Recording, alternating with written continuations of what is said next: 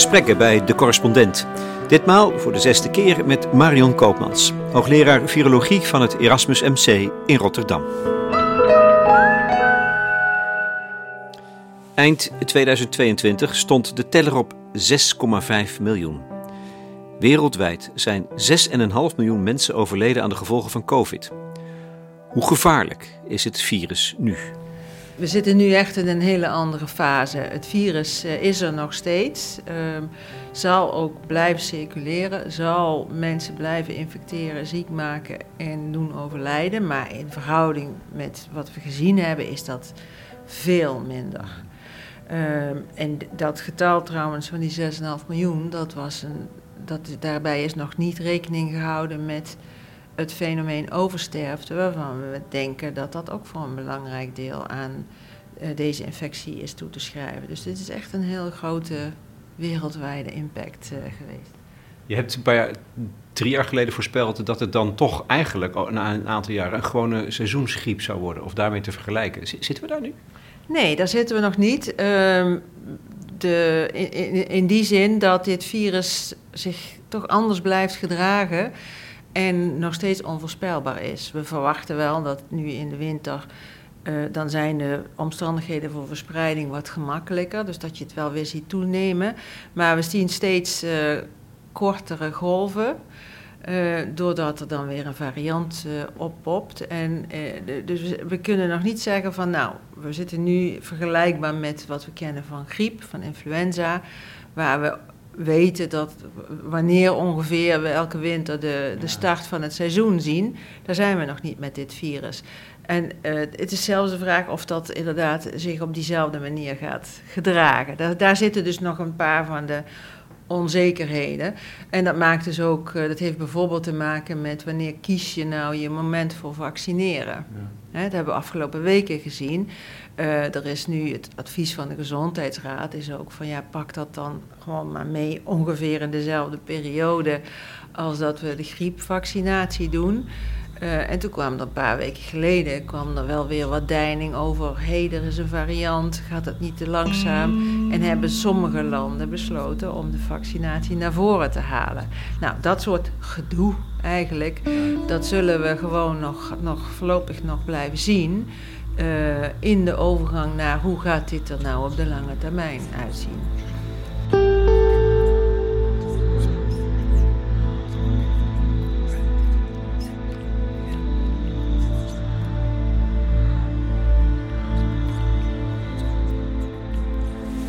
Het begon alweer bijna vier jaar geleden, eind 2019 in China. De pandemie verspreidde zich snel, razendsnel over de hele wereld. Op dat moment ontstond een race tegen de klok om. Terwijl de aantallen doden begonnen te stijgen, schrikbarend te stijgen, zoals in Italië, om zo snel mogelijk wetenschappelijk inzicht te krijgen in de ontwikkelingen en adequaat te kunnen optreden. Cruciaal was de goede informatie. Wat dat betreft was Marion Koopmans, viroloog van het Erasmus MC in Rotterdam, een baken van betrouwbaarheid te midden van de hectiek. Altijd genuanceerd, altijd behoedzaam in het trekken van conclusies en altijd ook op de hoogte van de allerlaatste rapporten en de stand van zaken in het wetenschappelijk onderzoek.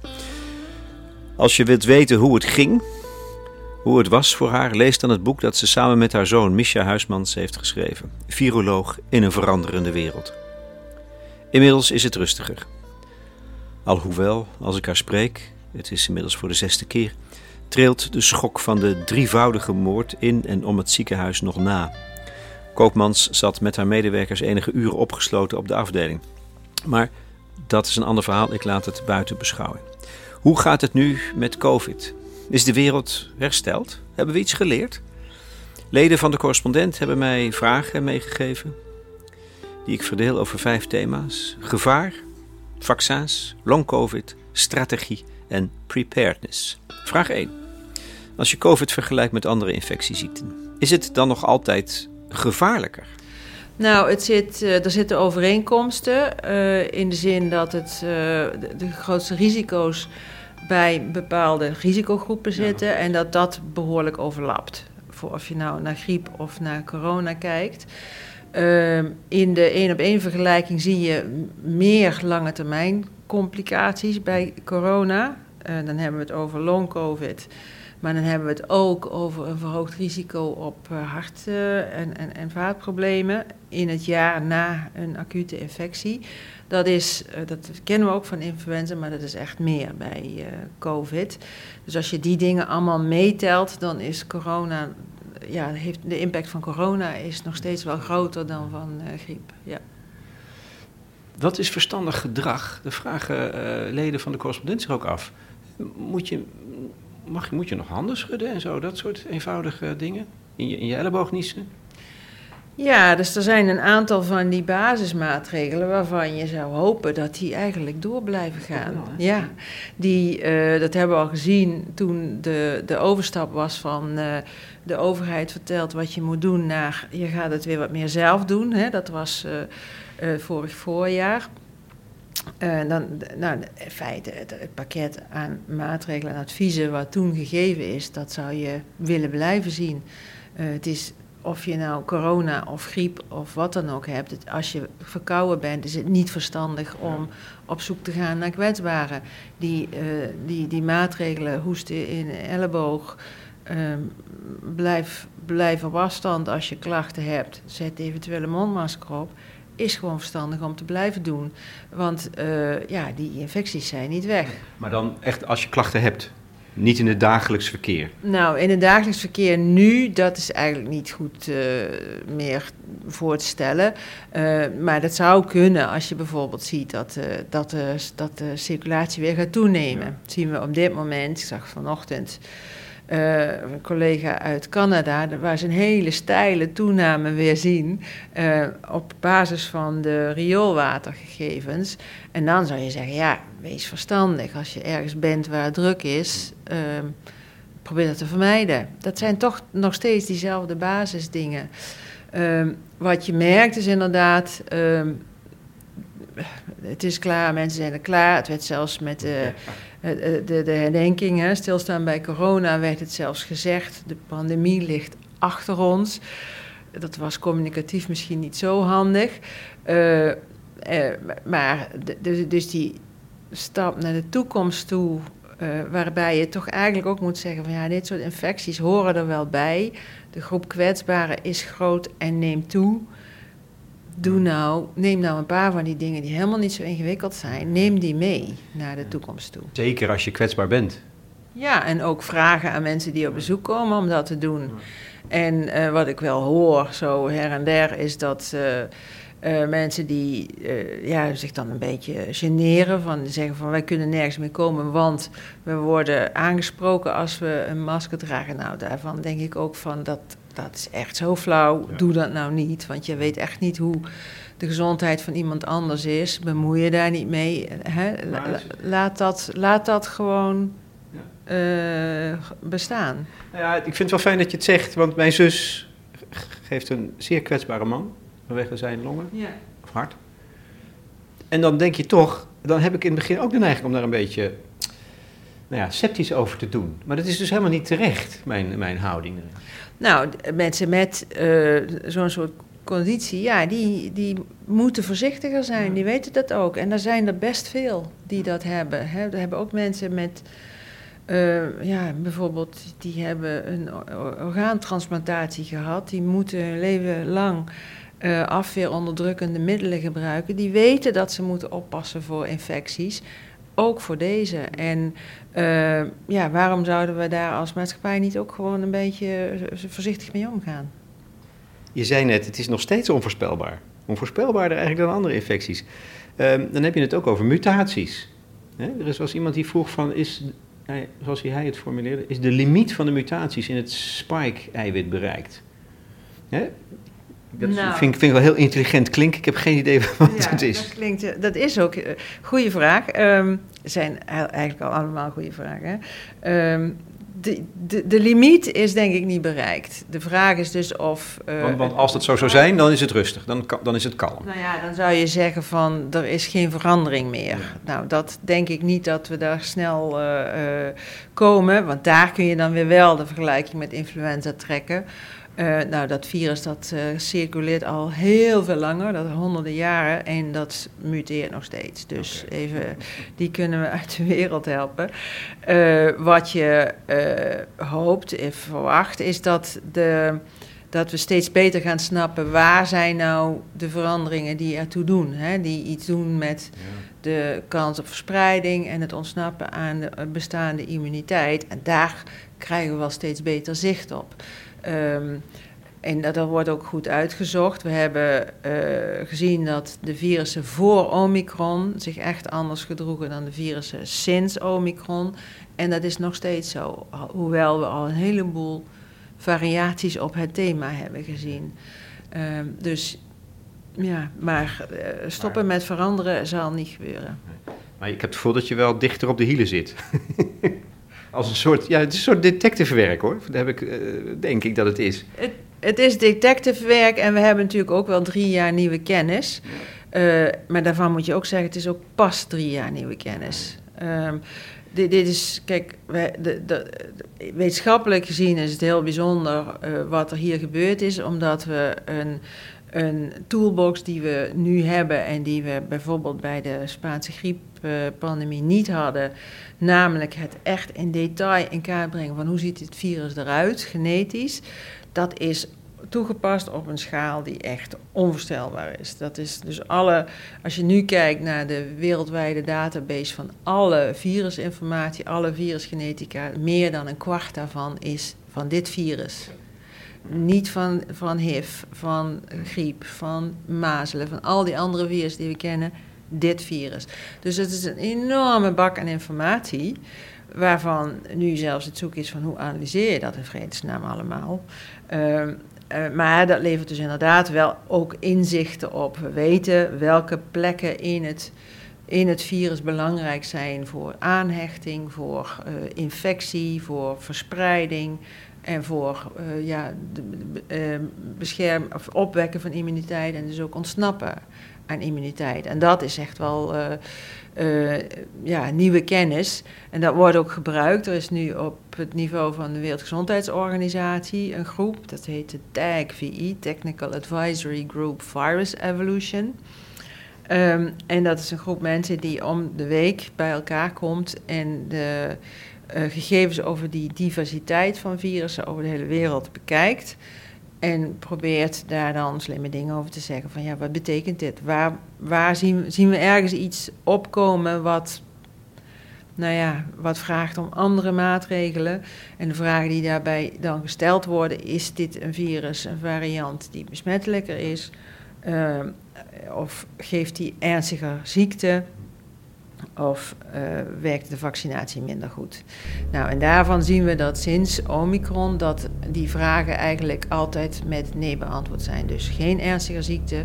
Nou, die besmettelijkheid wel, want anders komen ze niet bovendrijven. Maar ook de bescherming door de vaccins, die blijft behoorlijk goed overeind. Als je het hebt over bescherming tegen ziekte.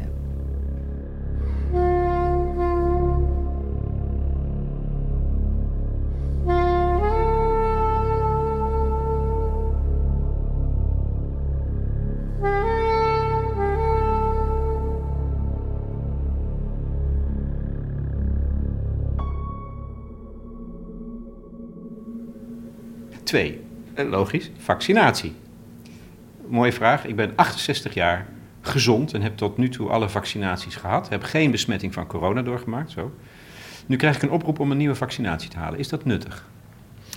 Nou, dit is, uh, dit is een goede vraag, want dit is ook precies waar we nu zitten. Hè? Dat je ziet, de, de uh, vaccinaties nu, die zijn bijgesteld bij de meest recente varianten. Dus daarvan zie je dat als je die booster neemt, dan krijg je nog net weer een extra zetje. Uh, uh, in, vooral als je kijkt naar bijvoorbeeld het niveau antistoffen wat je nodig hebt om, nou ja, om, om, bescherming te bieden. Ehm, dat wordt steeds meer persoonlijke afweging. Een afweging hier, wat ik dan hoor, is iemand die zelf nooit corona heeft gehad dat is natuurlijk heel mooi. Ja. Maar die is wel minder immuun dan mensen die zowel gevaccineerd zijn als dat ze infectie hebben gehad. Dat, he- dat zien we, dat heet hybride immuniteit. Daarvan zien we dat die steviger is. Dus ik zou in dat geval, ja, zou Toch ik toch wel. overwegen om die booster te pakken. Maar het is dus eigenlijk per keer, per geval, is het wel een afweging ja, die niet per se, niet per se in de richting van vaccinatie wijst. Nou, we hebben de, de, de echt grote verschillen zaten natuurlijk in de stap van niet vaccineren naar de eerste vaccinaties en vervolgens de boosters. Daar hebben we gezien dat de, de, de, de, de, toename in immuniteit echt grote sprongen waren. Die sprongen zijn nu kleiner, het zijn echt kleinere stapjes. En dat betekent dus ook dat je die, nou ja, dat die meer meerwaarde hebben voor de mensen die de grootste kans hebben Ja. op problemen. En dat zijn dus de mensen met een ja, slechte gezondheid, eh, met allerlei risicofactoren. Die hebben er het meest baat bij nu. En eh, nog even iets heel concreets ook. Eh, je, hebt, je bent een half jaar geleden besmet. Ja. Ehm, is dat voldoende? Voldoende voor wat. ja, bescherming.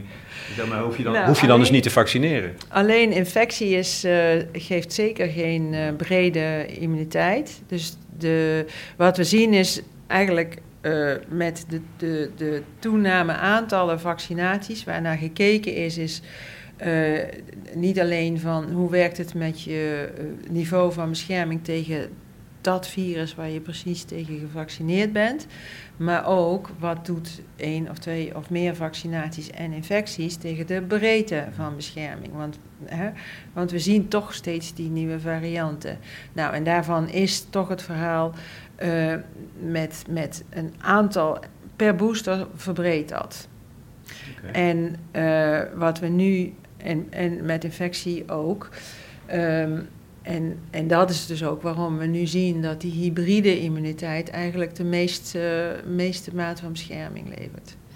Ehm, de, de veranderingen van die virus, dus die vraag daar waar we het net over hadden, dat maakt ook dat, dat wordt dus in de gaten gehouden, hè, die virussen die zijn wel echt weer veranderd als je kijkt naar de, wat we dan de antigene eigenschappen noemen. Hè, dus dat, wat, dat, die onderdelen van het virus waar het immuunsysteem een afweer eh, tegen opbouwt, antistoffen en, en, en cellulaire reacties tegen opbouwt.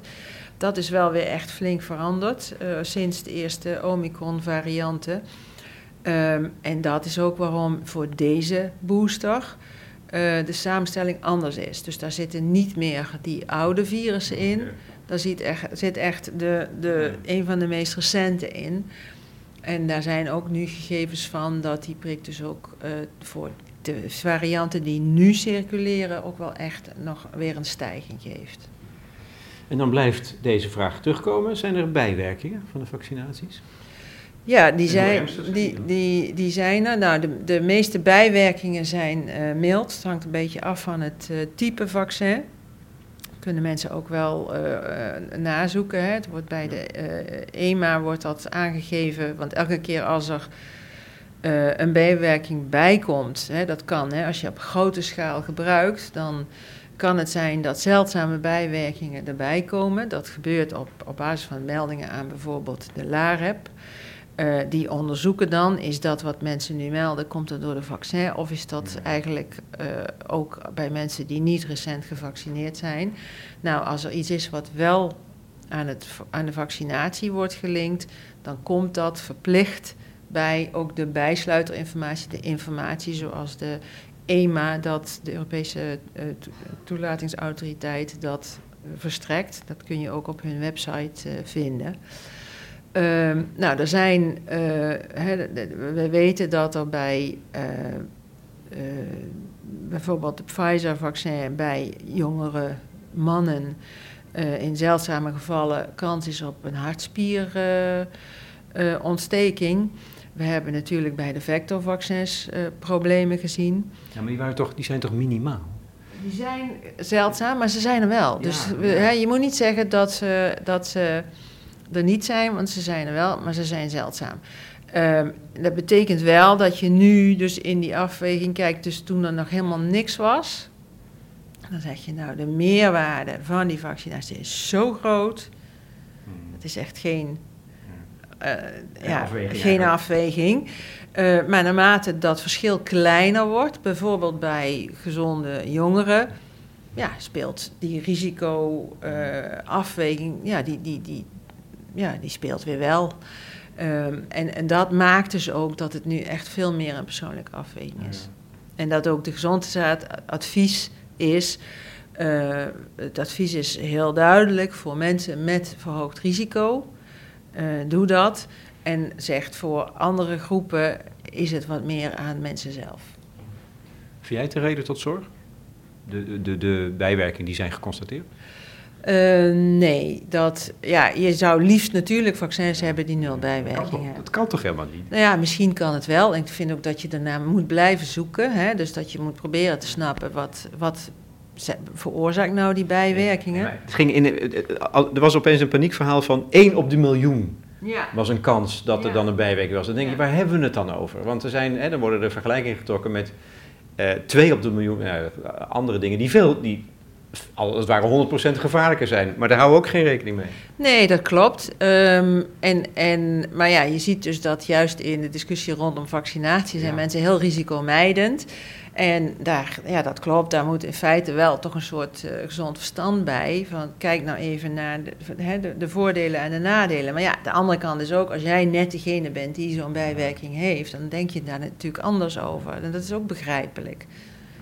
Vraag je over globale solidariteit. Hoe staat het met de vaccins voor arme landen?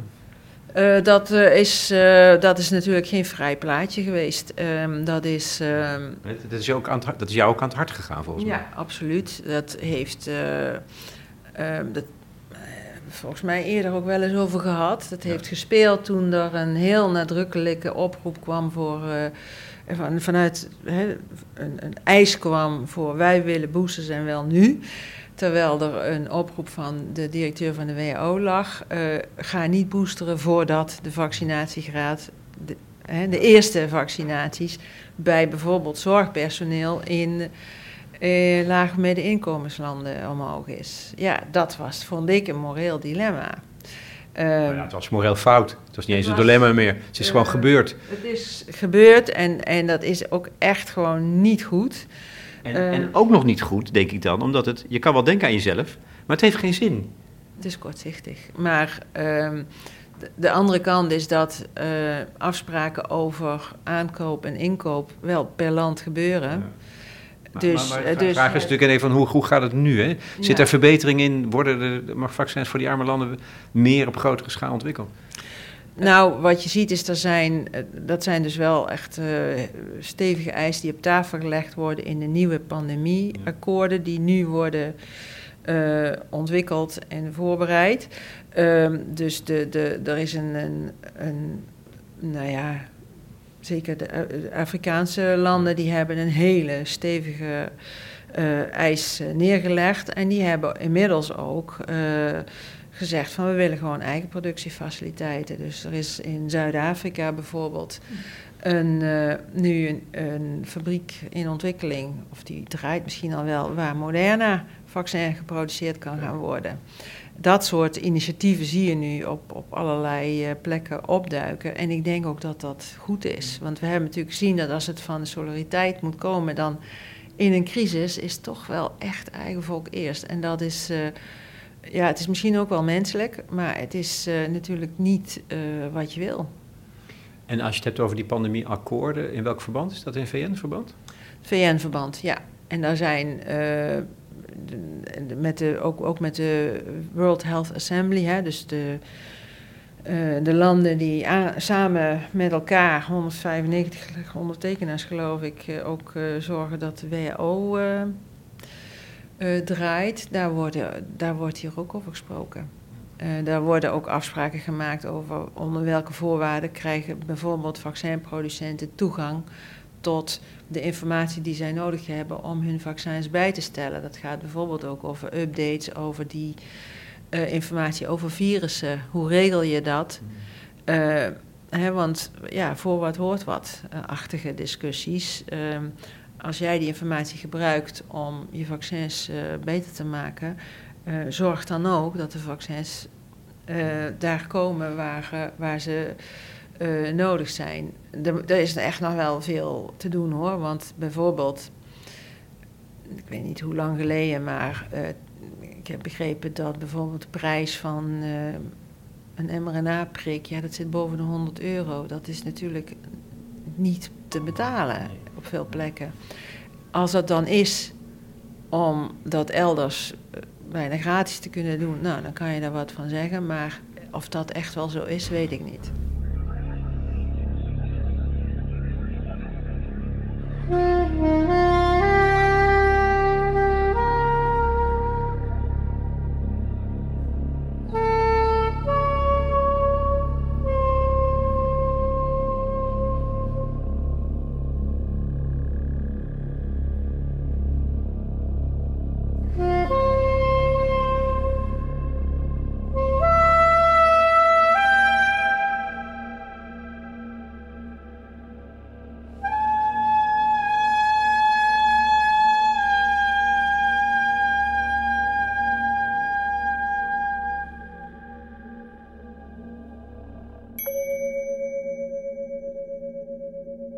Drie.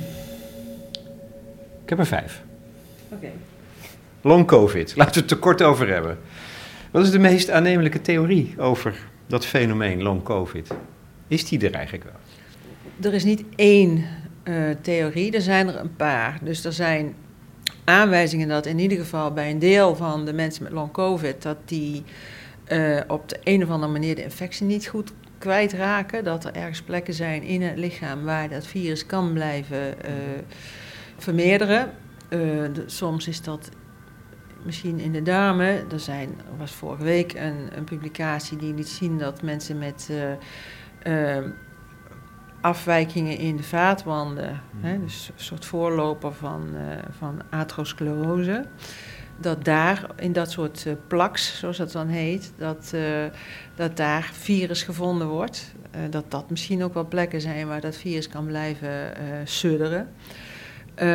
er zijn aanwijzingen dat er sommige mensen zijn waar, waarbij je een, toch een overreactie van het immuunsysteem hebt en die niet, zeg maar, niet, niet meer dempt. om bepaalde redenen, inclusief vormen van auto-immuniteit. Dus mm. ja, ja ja, immuniteit tegen lichaams eigen uh, onderdelen, waardoor ze last blijven houden. Um, en er zijn aanwijzingen dat bij sommige mensen ook iets gebeurt met uh, effecten van de infectie op, op de hersenen. En waardoor je, je hoort van mensen dat zij een soort ja, moeite hebben met zich concentreren. Um, Eva Meijer noemde het in een column in de NRC dat alsof ze door de modder waat. Ja, de modders, anderen noemen het uh, de mist, uh, de brain fog. Uh, dus dat is ook een bekend gegeven. En het is niet duidelijk of dat, dat, dat lijken verschillende mogelijke mechanismen. Die misschien bij sommige mensen wel alle drie voorkomen, bij sommigen één van de drie. dat is echt nog niet duidelijk. En dan zijn er mensen waar gewoon echt de eerste infectie zo heftig is geweest. Bijvoorbeeld omdat ze eh, op het ziekenhuis zijn geweest, op de IC hebben gelegen, dat ze daar langdurig en misschien wel levenslang uh, toch uh, schade van uh, ervaren. Omdat het systeem, hele systeem is zo geraakt, dat, is, ja, dat, is, dat kan bijna niet meer herstellen. Nou ja, dus wat als, bij mensen die hele ernstige longontsteking ja. hebben gehad, kun je ook echt littegenweefsel krijgen. Dat ja. is dus blijvend. Hè? Uh, dus dus dat, uh, nou, dat is dus een heel spectrum. En wat uh, inmiddels zijn er in ieder geval wel wat stappen gezet om, om, een landelijk samenwerkingsverband om te proberen dat wat meer gezamenlijk uit te zoeken, want dat is eigenlijk wat nodig is. Hè? De, de, de, ja, wat is nu eigenlijk long COVID? Het, ja. is, een, het is een heel uh, palet aan, aan symptomen uh, waarbij, waarvan niet zelfs, er is niet een soort uh, labtest waarvan je kunt zeggen, nou, komt u maar, ja. ik, uh, ik test u en ik weet dan, ik kan u zeggen, ja, dit is long covid, nee, dit is iets anders. Dat is er niet. Daar wordt wel onderzoek naar gedaan. Um, en er zijn wel wat parameters waarvan je zegt van nou, dat zien we eigenlijk wel vaak bij mensen met long covid, maar dat is nog niet zo dat je kunt zeggen, nou, hier is uw diagnose. En dat maakt het dus ook heel lastig. Hè? Want uh, dat zijn dus mensen die hebben echt wel klachten. Uh, die, uh, ook hier was vorige week weer een, mooie studie die probeert hè, dat soort biomarkers te vinden. Uh, met een flinke groep patiënten die met long-covid klachten lopen. En daarvan was maar bij 40% echt aangetoond dat ze ook COVID hadden gehad. Ja. Maar, maar 40 procent? Bij die groep dan. Hè. Dat was een, een, en er was een studie die was vrij vroeg gedaan in de, in de pandemie. Uh, en dat maakt dus ook dat het zo moeilijk is om te leren van waar kijken we nou precies naar. Nou, daar gebeurt nu wel gelukkig meer. Er is ook uh, geld beschikbaar gesteld hè, de, via Zon en W om daarnaar te gaan kijken. Maar helaas, uh, ja, en echte, echte goede behandelingen, goede diagnostiek, uh, is er gewoon nog niet. Ja, er, er, is iemand in Brabant die suggereert dat er een expertisecentrum moet, moet komen. Ja. Maar niet, niet alleen voor onderzoek, maar ook voor behandeling tegelijkertijd. Ja, dat, is dat zinvol? Zeker. Wat je zou willen is dat je eigenlijk zegt, nou, alle Nederlandse long-covid patiënten in één en dezelfde database. Ja. Afspraken met behandelaren van wat zijn, uh, wat zijn criteria die we hanteren voor, uh, voor, ja, toch voor diagnose, omdat die ja. niet duidelijk is. En wat zou je willen onderzoeken, maar ook wat zijn mogelijkheden voor behandelingen, maar doe die dan ook in onderzoeksverband, zodat je ervan leert Precies. wat heeft nou effect. Ja. Nou ja, er was iemand uit Brabant, omdat daar nogal wat uitbraken zijn geweest. En die had iets van, ja, we hebben dat nodig. Dat vond ik wel een, een zinvolle suggestie. Nou ja, Brabant heeft natuurlijk ook de ervaring gehad met, met Q-koorts. Ja, uh, en daar hebben zij dat natuurlijk ook gedaan. Um, en vanuit die hoek wordt dat ook wel inderdaad uh, genoemd. Ja. Um, en ik denk dat dat ook uh, goed is. Ja. Hoe sneller je de handen ineens slaat, hoe sneller je ook de aantallen patiënten hebt. Op grond waarvan je ook kunt zeggen van nou, dit werkt niet. Of hé, hey, dit lijkt wel een effect te hebben. Laten we dat dan bij grote groepen gaan toepassen. Dat, dat is gewoon ook ja, een beetje boerenverstand eigenlijk. Uh, maar het is verstandig om dat zo te organiseren. En ik ben er wel van overtuigd dat we daar meer en meer van gaan zien. Uh, want, want er gebeurt wel veel onderzoek nu. Wat wel denk ik goed is om ook te zeggen, is dat we wel zien dat de kans op long-covid echt ook wel geleidelijk aan af aan het nemen is. Het is sowieso minder na Omicron, maar er zijn natuurlijk wel veel infecties. Dus je ziet nog steeds wel nieuwe long-covid ontstaan. Uh, je ziet wel ook een beschermend effect van immuniteitsopbouw, gelukkig. Uh, en, uh, dus, maar maar het, het, het, het, blijft een heel lastig grijpbaar probleem. In ieder geval moet je hier dus ook gewoon zeggen, als je er bang voor bent, nou, doe dan maar de herhaalvaccins, hè? Sowieso. Ja, ja zeker.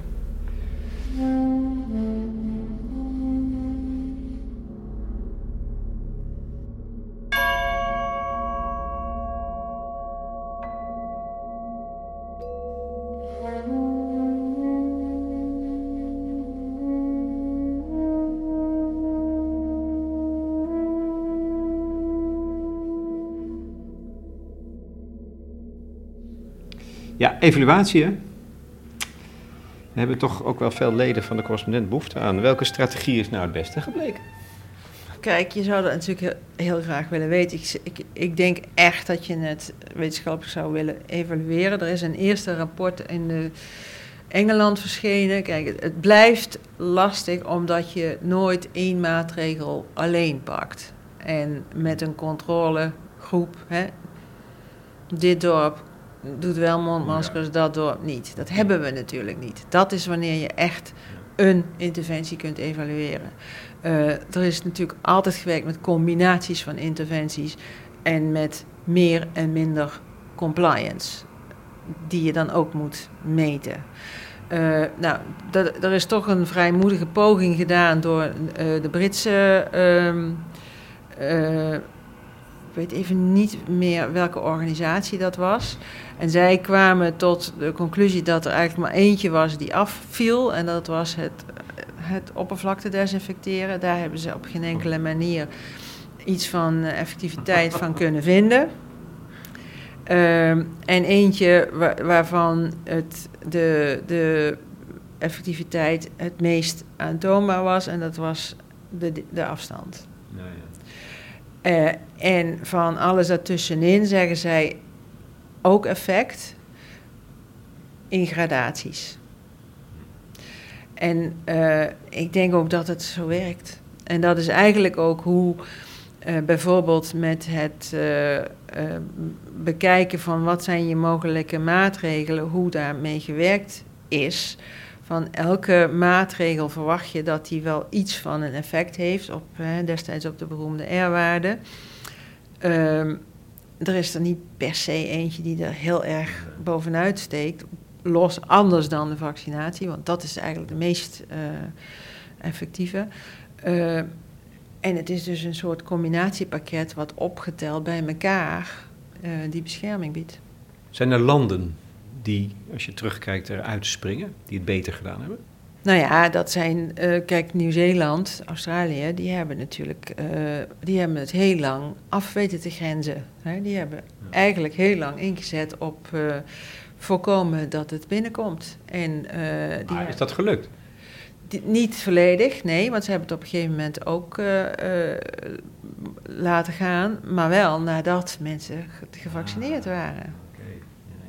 Ja, ja. ja, dus dan, dan, dat is natuurlijk een enorm verschil.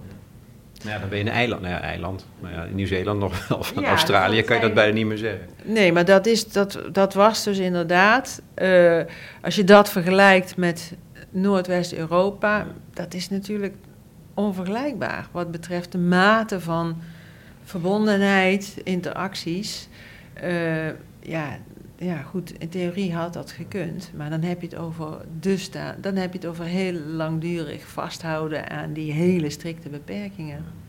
Want in, de, in het begin vielen landen in Zuidoost-Azië nog wel op, volgens mij. Ik meen Zuid-Korea, Japan had weer een eigen strategie. Is dat dan op de lange termijn ook zo significant anders gebleven? Nou, die hebben uh, wel uh, langer um, zeg maar, zeg maar restricties gehad.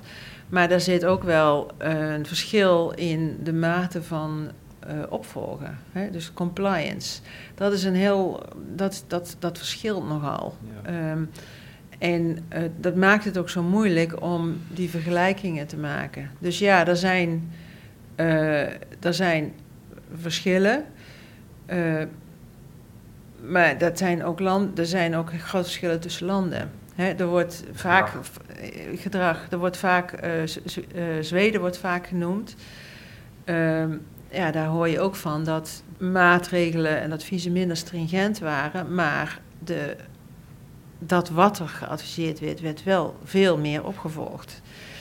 Ja, dus het maakt het heel lastig om te zeggen waar zit het hem nou precies in. Zou jij terugkijkend op wat je zelf hebt geadviseerd, ja, dat was natuurlijk ook altijd in samenwerking met een hele groep andere mensen binnen, binnen het OMT. Zou jij iets fundamenteel anders doen qua advies? En dan eh, eh, met name misschien wel als het gaat over de impact die sommige maatregelen hebben gehad ten opzichte van en de economie, maar ook het sociale leven van mensen. Uh, nou, iets wat, waar we echt gewoon niet aan toe kwamen, waar we wel uh, geprobeerd hebben, is: uh, kunnen we even een pas op de plaats achteroverleunen? Waar staan we nu? Hoe moet het verder? Zijn de doelen nog steeds hetzelfde? Even tijd nemen. Maar dat was niet, het kon niet. niet. Maar dat zou je eigenlijk willen inbouwen op de een of andere manier. Van kun je hè, er zijn ook wel gesprekken over gaan. Is dat bijvoorbeeld iets wat de KNW zou kunnen doen? Um, soort ja, uh, meelopen aan de zijlijn en zeggen van hé, hey, wacht even, hang on, we doen nu even een terugblik. Volgens ons moeten jullie hier rekening mee gaan houden. Ja. Dat, je, dat je die scherpte, ja, zeker bij iets wat zo lang uh, loopt, dat je probeert te kijken van hoe bouw je dat in. Ja, Want, terwijl de minister-president belt en zegt... ik heb vanavond een persconferentie, ik moet het nu weten. Exact, dus dat maakt ook... dat Kijk, achteraf is alles gemakkelijk, hè. Maar, goed, uh, maar het is wel... Dit, dus, dus het... Um, had je ergens... in die hele acute fase, eerste golf... ik geloof niet dat dat een volgende keer anders zou gaan. Eerlijk gezegd wat natuurlijk al gezegd is van ga zorgen dat je maatschappelijke impact meer gaat meewegen. Met een apart impactteam. Daar is dan nog wel even de vraag, maar hoe dan? Ehm, en uh, daar is, zijn ook wel wat gesprekken over geweest. Hebben wij ook uh, met wetenschappers uh, onderling voor gezeten. Van, is dat mogelijk? Kun je, hoe weet je nou mogelijke mentale impact op jongeren af tegen nou ja, de, de medische, uh, de andere medische impact. Hoe doe je en dat? heb je nog een derde component, de economie. Hè? Dat zijn, en, ja, dus dat is ook wel... Uh, dus aan de, de vraag is of je daar aan de wetenschapskant veel verder mee kunt komen. Uh, maar dat, dat, ja, dat die vraag er ligt is duidelijk. Tegelijkertijd denk ik, ja, maar van, als ik blijf kijken vanuit de virologie, dan denk ik, ja, je kunt ook niet gaan lopen polderen over iets wat zo snel verspreidt. Ja. Dus daar zou ik, denk ik, toch wel bij die rol blijven van, ja, beslis wat je beslist, maar vanuit het virus kijkend, denk ik, zus en zo. En dan die ene, we weten nog steeds niet waar het nou vandaan komt, hè? De oorsprong. Je, hebt, uh, je bent in China geweest, de tweede keer mocht je niet. Um, het is zeer onwaarschijnlijk dat het uit een lab komt, maar die theorie blijft uh, uh, bestaan. Ik ga ervan uit dat het wel een keer komt, hè, dat we het een keer weten. Zou het, maakt het uit eigenlijk? Dat vond ik eigenlijk wel een goede vraag. Maakt het uit als uiteindelijk vast komt te staan dat het uit een lab komt? Wat is de betekenis daarvan? Um, ja, maakt het uit of je door de kat of door de hond gebeten wordt, eigenlijk. ik denk het niet, want de... Uh, kijk, het is wel, uh, ja, als, als viroloog en kijkend naar, ja, toch het, het, fenomeen dat wij denken dat we meer met dit soort uitbraken te maken krijgen, wil je toch begrijpen, wat is nou precies de route, waar zitten de risico's? Um, de mogelijkheid van lab-ontsnapping moet je natuurlijk serieus nemen. Dus ja, je moet goed kijken, hoe, hoe is het geregeld? Als daar twijfel over zijn, goed naar kijken, goed regelen. Uh, want daar moet natuurlijk, ja, dat, dat risico, dat wil je afdekken. Dat gebeurt ook, maar goed, dat, als ik dat zeg, dat uh, wordt dan niet altijd even serieus genomen. Um, de, de, de kant van de, de dieren, de zoonose, in dit geval toch meer en meer aanwijzingen voor wilde dieren inbreng in de markt, al dan niet via uh, farms, al dan niet illegale farms. Ja, dat, dat uh, blijft gewoon een veel groter risico. Als je ook kijkt naar de omvang daarvan. Um, en ook de, uh, de hoeveelheden mensen die zich daarmee bezighouden. En ook de omstandigheden waarin dat gebeurt. En, en als het gaat over experimenten met virussen in labs, dat gebeurt wel, dat vindt wel plaats. Dat er, dat er geëxperimenteerd wordt met virussen? Er wordt natuurlijk, ja, vir, virusonderzoek is ja. werken met virussen en dat doe je in een lab. Uh, kijk, waar... Maar waarom zijn, ik vraag het omdat, waarom zijn mensen er zo, ge, zo gebeten op? Omdat ze dan vermoeden dat dat vanuit de Chinese overheid met kwade bedoelingen is of zo. Maar als het al zo zou zijn, dan zou het in, in het kader van onderzoek zijn, neem ik aan. Nou ja, er zijn, uh, dat zijn dus dat zijn verschillende theorieën. Ja. Uh, de, de, de, wat nu het meeste terugkomt is uh, dat er gewerkt is, dat er riskant onderzoek gedaan is, uh, wat, wat je niet zou moeten willen. Dat is een van de dominante theorieën vanuit de Amerikaanse overheid ook wel. Um, en waar dan misschien wel de Amerikaanse overheid ook nog wel aan meebetaald heeft. Dat is een vrij dominant verhaal, waar ook veel over te doen is en waar een, een bepaalde groep van het congres nou, behoorlijk agressief ook wel tegen wetenschappers gedaan wordt, inclusief bijvoorbeeld uh, Dr. Fauci. Daar is gewoon geen bewijs voor. En dat maakt het dus. Als je zegt van kan het? Ja, kan.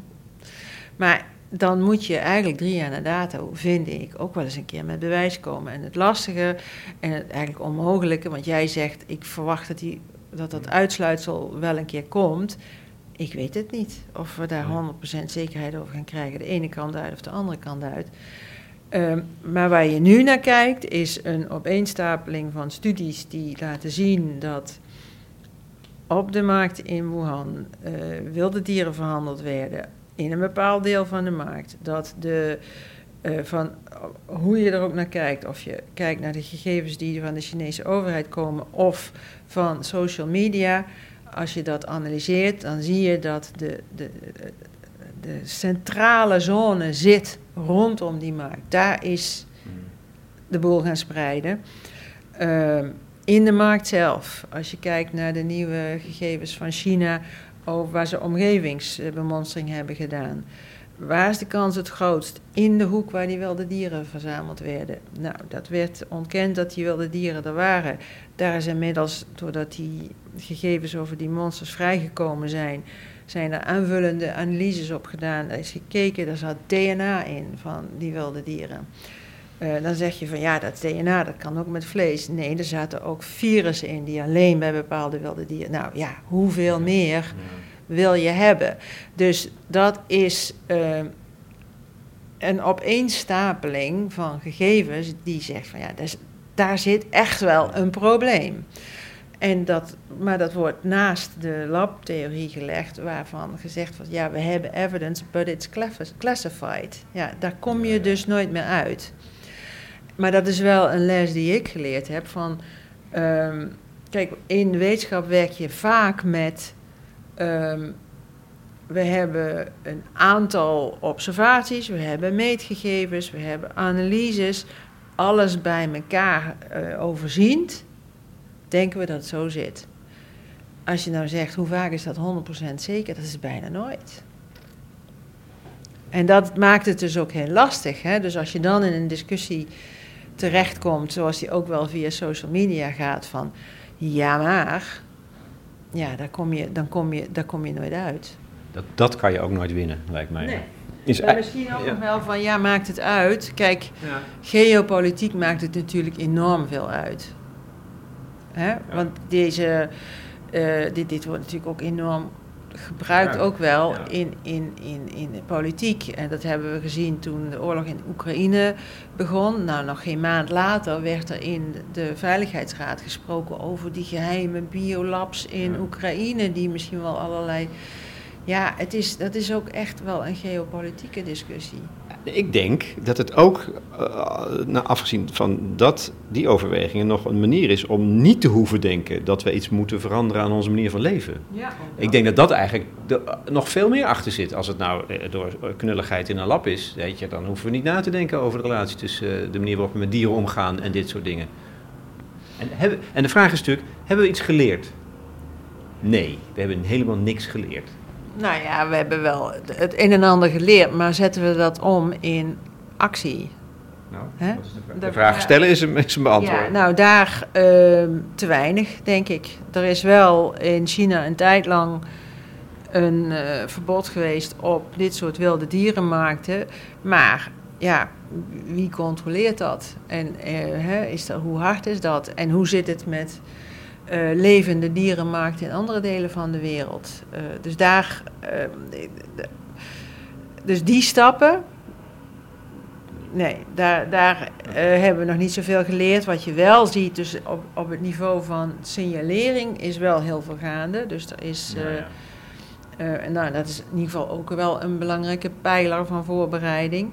Uh, dus daar is wel nu van duidelijk hoe belangrijk dat eigenlijk is. En je ziet, er is nu een, een wereldwijd eh, pathogen surveillance network wordt, wordt ingericht, waar ook uh, uh, waar juist lage een hele belangrijke stem in hebben. Nou, dat is belangrijk, hè, want dat is ook een deel van je veiligheid. Hè, dat de capaciteit om vroeg op te pikken of er een probleem is, dat die uh, op dat niveau gebeurt er wel van alles. Maar inderdaad, maatregelen in de sector. Uh, nee, en dat heb ik ook wel eerder in, in presentaties ook wel gezegd. Kijk, um, je, je, zag het ook vroeg in die pandemie langskomen. Er was op een gegeven moment ook vraag van, hebben misschien die schubdieren, zijn dat misschien de bron geweest? En als je, nou, daar, daar lijkt het niet op. Maar als je daar dan naar kijkt, dan zie je dat dat dus een hele levendige handel is met een bedreigde diersoort.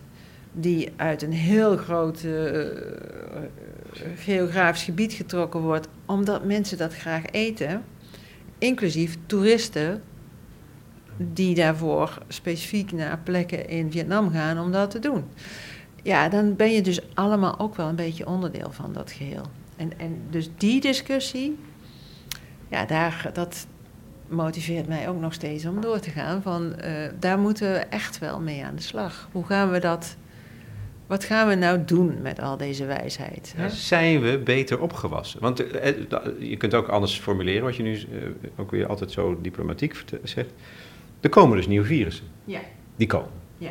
Dat is, en, het, en die kunnen echt opnieuw makkelijk uitgroeien tot pandemieën. Zijn we daar nu beter tegen opgewassen?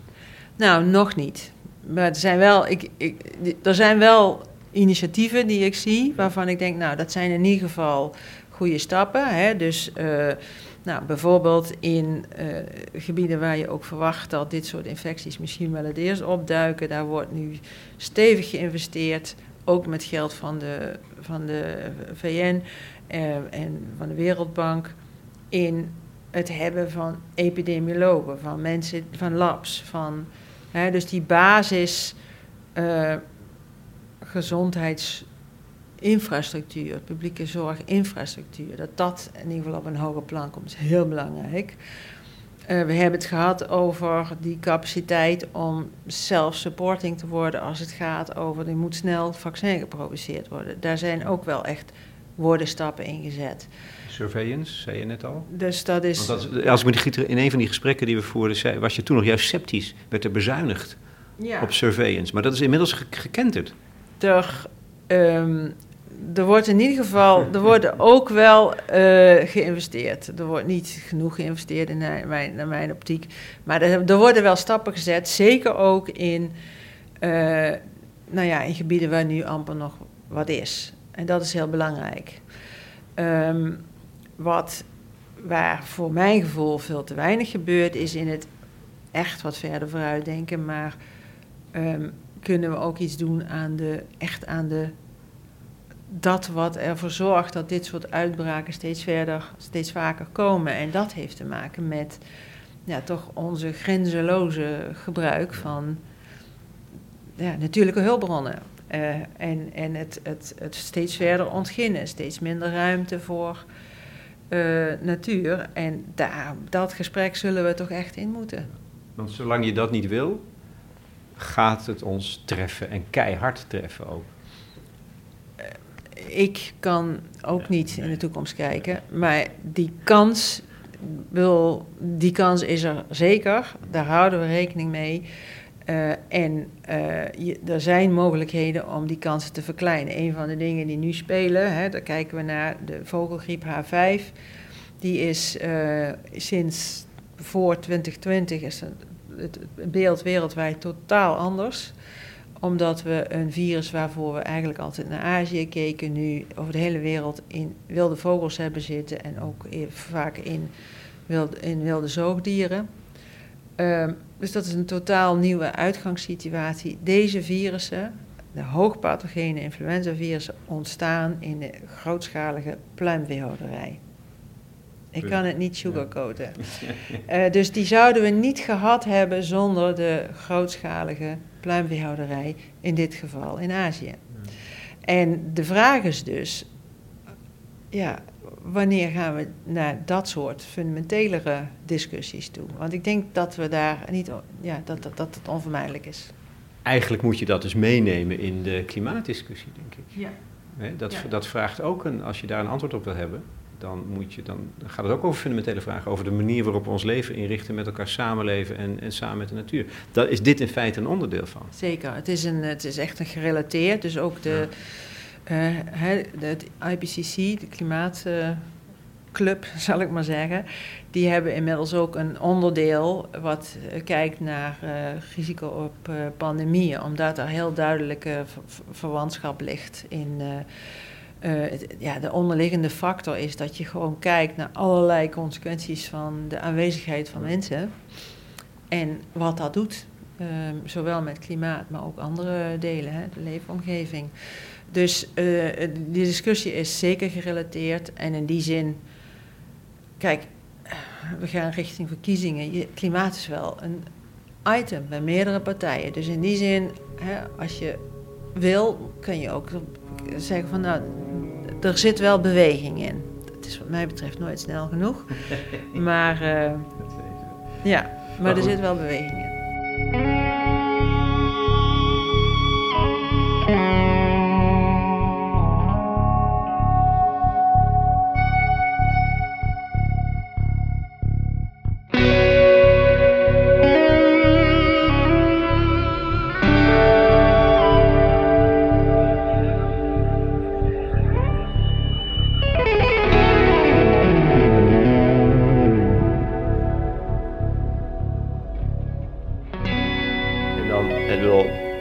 Het boek dat je samen met je zoon hebt gemaakt, uh, Micha Huismans. Viroloog in een veranderende wereld. Nou, die wereld moet nog veel meer veranderen. Ehm, en een van de leidmotieven is preparedness, dus bereid zijn. Ehm, eh, anders gezegd, expect the unexpected. Ja. het is fascinerend om te zien hoe je, hoe je echt op onderzoek... Dat is echt detectivewerk. Het, het is zo onvoorspelbaar. Ik heb heel veel bewondering voor de manier waarop jij en heel veel collega's overal in de wereld dat, dat, dat hebben gedaan. Daar staat dus tegenover massa-psychologische processen. En die hebben het wel, denk ik, ongelooflijk moeilijk gemaakt. Ja. Daar ben je ook ten prooi aan geweest. En op dat niveau vraag ik me af of we überhaupt iets geleerd hebben. Nou, we hebben geleerd dat we daar veel serieuzer naar moeten kijken, denk ik. We zijn dan de wetenschappers of de overheid? Allemaal de wetenschap, de overheid, de burger, hoe ga je om met toch dat fenomeen ook social media, wat gewoon een factor van belang is en een tegenstander van belang, haast in sommige opzichten. Uh, met, met alle positiviteit, hè, want de, de, kijk, zonder uh, de eerste berichten over dit virus zijn via social media verspreid. Hè? Zonder dat hadden we niet zo snel uh, in actie kunnen komen ook. Dus, dus die kant is er ook. Maar ja, het is duidelijk dat uh, uh, gedrag, maar ook gedragsbeïnvloeding door nou ja, deze, deze onderstromen, ja, dat, dat, dat dat heel complex is en dat we eigenlijk nog maar amper weten hoe, wat we daarmee moeten. En uh, ik vind dat wel heel belangrijk. Ik heb er gisteren nog uh, over gesproken bij een bijeenkomst. Uh, want ik denk echt dat we daarmee aan de slag moeten. Ja, ja. Want je bent Marion Koopmans twee weken geleden 67 geworden. dus dit is zo'n beetje het laatste interview dat je geeft. Zeg, gaan we vervelend doen? um, nou, dat weet ik niet. Nee, ja, ik heb net, ik heb nog wat gezegd dat ik nog wel langer wil blijven. Er wordt wel een opvolger gezocht voor mijn management taak voor over anderhalf jaar. maar ja, ja, eens wetenschapper, altijd een wetenschapper, hè? Dat zeg vraag je ook niet aan een muzikant, toch? Stop je met muziek maken. Nee, dus je gaat gewoon door, begrijp ik? Nou, ik ga, kijk, ik ga ook niet in de weg lopen, maar um, ik, ben, ik ben en blijf natuurlijk behoorlijk uh, gefascineerd door, door uh, wat, wat er zich voordoet. Um, ik heb nog uh, geld van mijn Stevenprijs, waar ik nog graag wat mee verder doe. Dus uh, ja, dat gaan we zien. Dat gaan we zien. Oké, nee, je, je, houdt je kaarten voor de borst, dat snap ik wel. Maar en, en wat je, uh, laatste is dat dan, uh, je bent echt ongelooflijk gedreven. Ik heb heel erg veel respect voor wat je gedaan hebt in die periode, want je hebt krankzinnig hard gewerkt. En zit daar ook het besef in, ik had het net over 6,5 miljoen doden wereldwijd. Zit daar ook, drijft het je ook dat je met je werk levens redt? Zit dat er eigenlijk in ook? Ja, je hebt het altijd over de, de wetenschap en, en de zuiverheid daarvan. Maar er zit een andere motivatie achter misschien. Nou, ja, levensredden weet ik niet zo. Het is natuurlijk wel, maar, maar uitleggen hoe, hoe, hoe het werkt. Dat, en, en onderzoeken en proberen te snappen hoe het werkt, zodat de mensen die primair levens redden, hè, dat die weten wat, er, wat ze kunnen doen. En, wat, en dat ze ook middelen hebben om om hun werk te kunnen doen. Dat is eigenlijk wat meer mijn uh, drijfveer. Hè, dus de, de, uh, het, het, als het nodig is, razendsnel ontwikkelen van de kennis die nodig is, zodat uh, de public health zijn werk kan doen, zodat de behandelaar zijn werk kan doen. Dat, dat drijft mij. En ook wel een en beetje. liefst ook wel toch kunnen we toe naar het slimmer inrichten, zodat de kans op dit soort dingen kleiner wordt. Dat is, dat is eigenlijk toch, toch vooral mijn drijfveer. En dan is het ook een groot genot om echt te kunnen samenwerken. Je hebt zo verschrikkelijk veel samenwerkingsverbanden op touw gezet, of daar maak je deel van uit. Ja, dat is. En ook nu, ik ben eh, pas in eh, Zuid-Afrika geweest. Met een, uh, dat, dat, was iets waar ik heel veel energie van kreeg. Dat is ook waarom ik zeg, nou, er zijn wel echt hele leuke initiatieven gaande. Dus dat was een, een uh, training, uh, dus een cursus voor jonge mensen over hoe werkt dat nou, dat opsporen van, van infecties, het gebruik maken van de technieken die we daar nu voor hebben, hoe analyseer je dat. Nou, dat bruiste van energie. En daar is ook een hele groep bezig met kijken van hoe ga je nou, wat, wat kunnen we eigenlijk nou doen aan dat complexe onderwerp van de combinatie klimaatverandering en infecties. Nou, daar zijn we nu ook uh, weer samenwerking over aan het opzetten. Want dat moet je ook. Het, het, het zijn zulke complexe thema's. Uh, dat het al best lastig is van waar waar kun je nou echt iets toevoegen? Of is het gewoon op een gegeven moment een kwestie van, je moet het gewoon gaan doen. dat, en, en hoe dan? Dus daar zijn we nu wel uh, weer druk over in uh, overleg. Dus dit is het goede nieuws. Ze gaat nog even door. ja, nou ja, dat, uh, dat hoop ik dan. Voor sommige mensen die zeggen dan, oh, diepe zucht, alsjeblieft zeg. ik ben er blij mee, dankjewel. Nou, leuk, leuk te horen.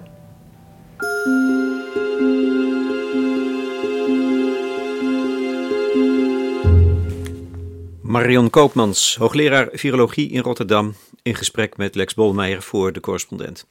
Ik putte informatie uit het boek dat zij samen met haar zoon Misha Huismans heeft geschreven, Viroloog in een veranderende wereld. Ja, dat kan ik zeer aanbevelen, omdat het niet alleen de periode van COVID beslaat, maar ook alles wat eraan vooraf gaat. Je leert haar met andere woorden beter kennen. Verder dank aan alle leden die de moeite hebben genomen om vragen te stellen. Ik heb daar dankbaar gebruik van gemaakt. En ik zal de bijdragesectie op ons platform in de gaten houden. Om te kijken of de antwoorden tot tevredenheid stemmen. Dit deel van ons platform is toegankelijk voor leden. En je bent al lid voor 9 tientjes per jaar. Daar krijg je dan een jaar lang kwaliteitsjournalistiek voor voorbij de waan van de dag. Tot slot een opmerking over de muziek. Je hoorde tracks van het laatste album van Erik Voermans, voormalig recensent van het Parool, The Tale of Orpheus and Eurydice. Met saxofonist Juri Honing, want ooit speelde Marion Koopmans saxofoon. Vandaar.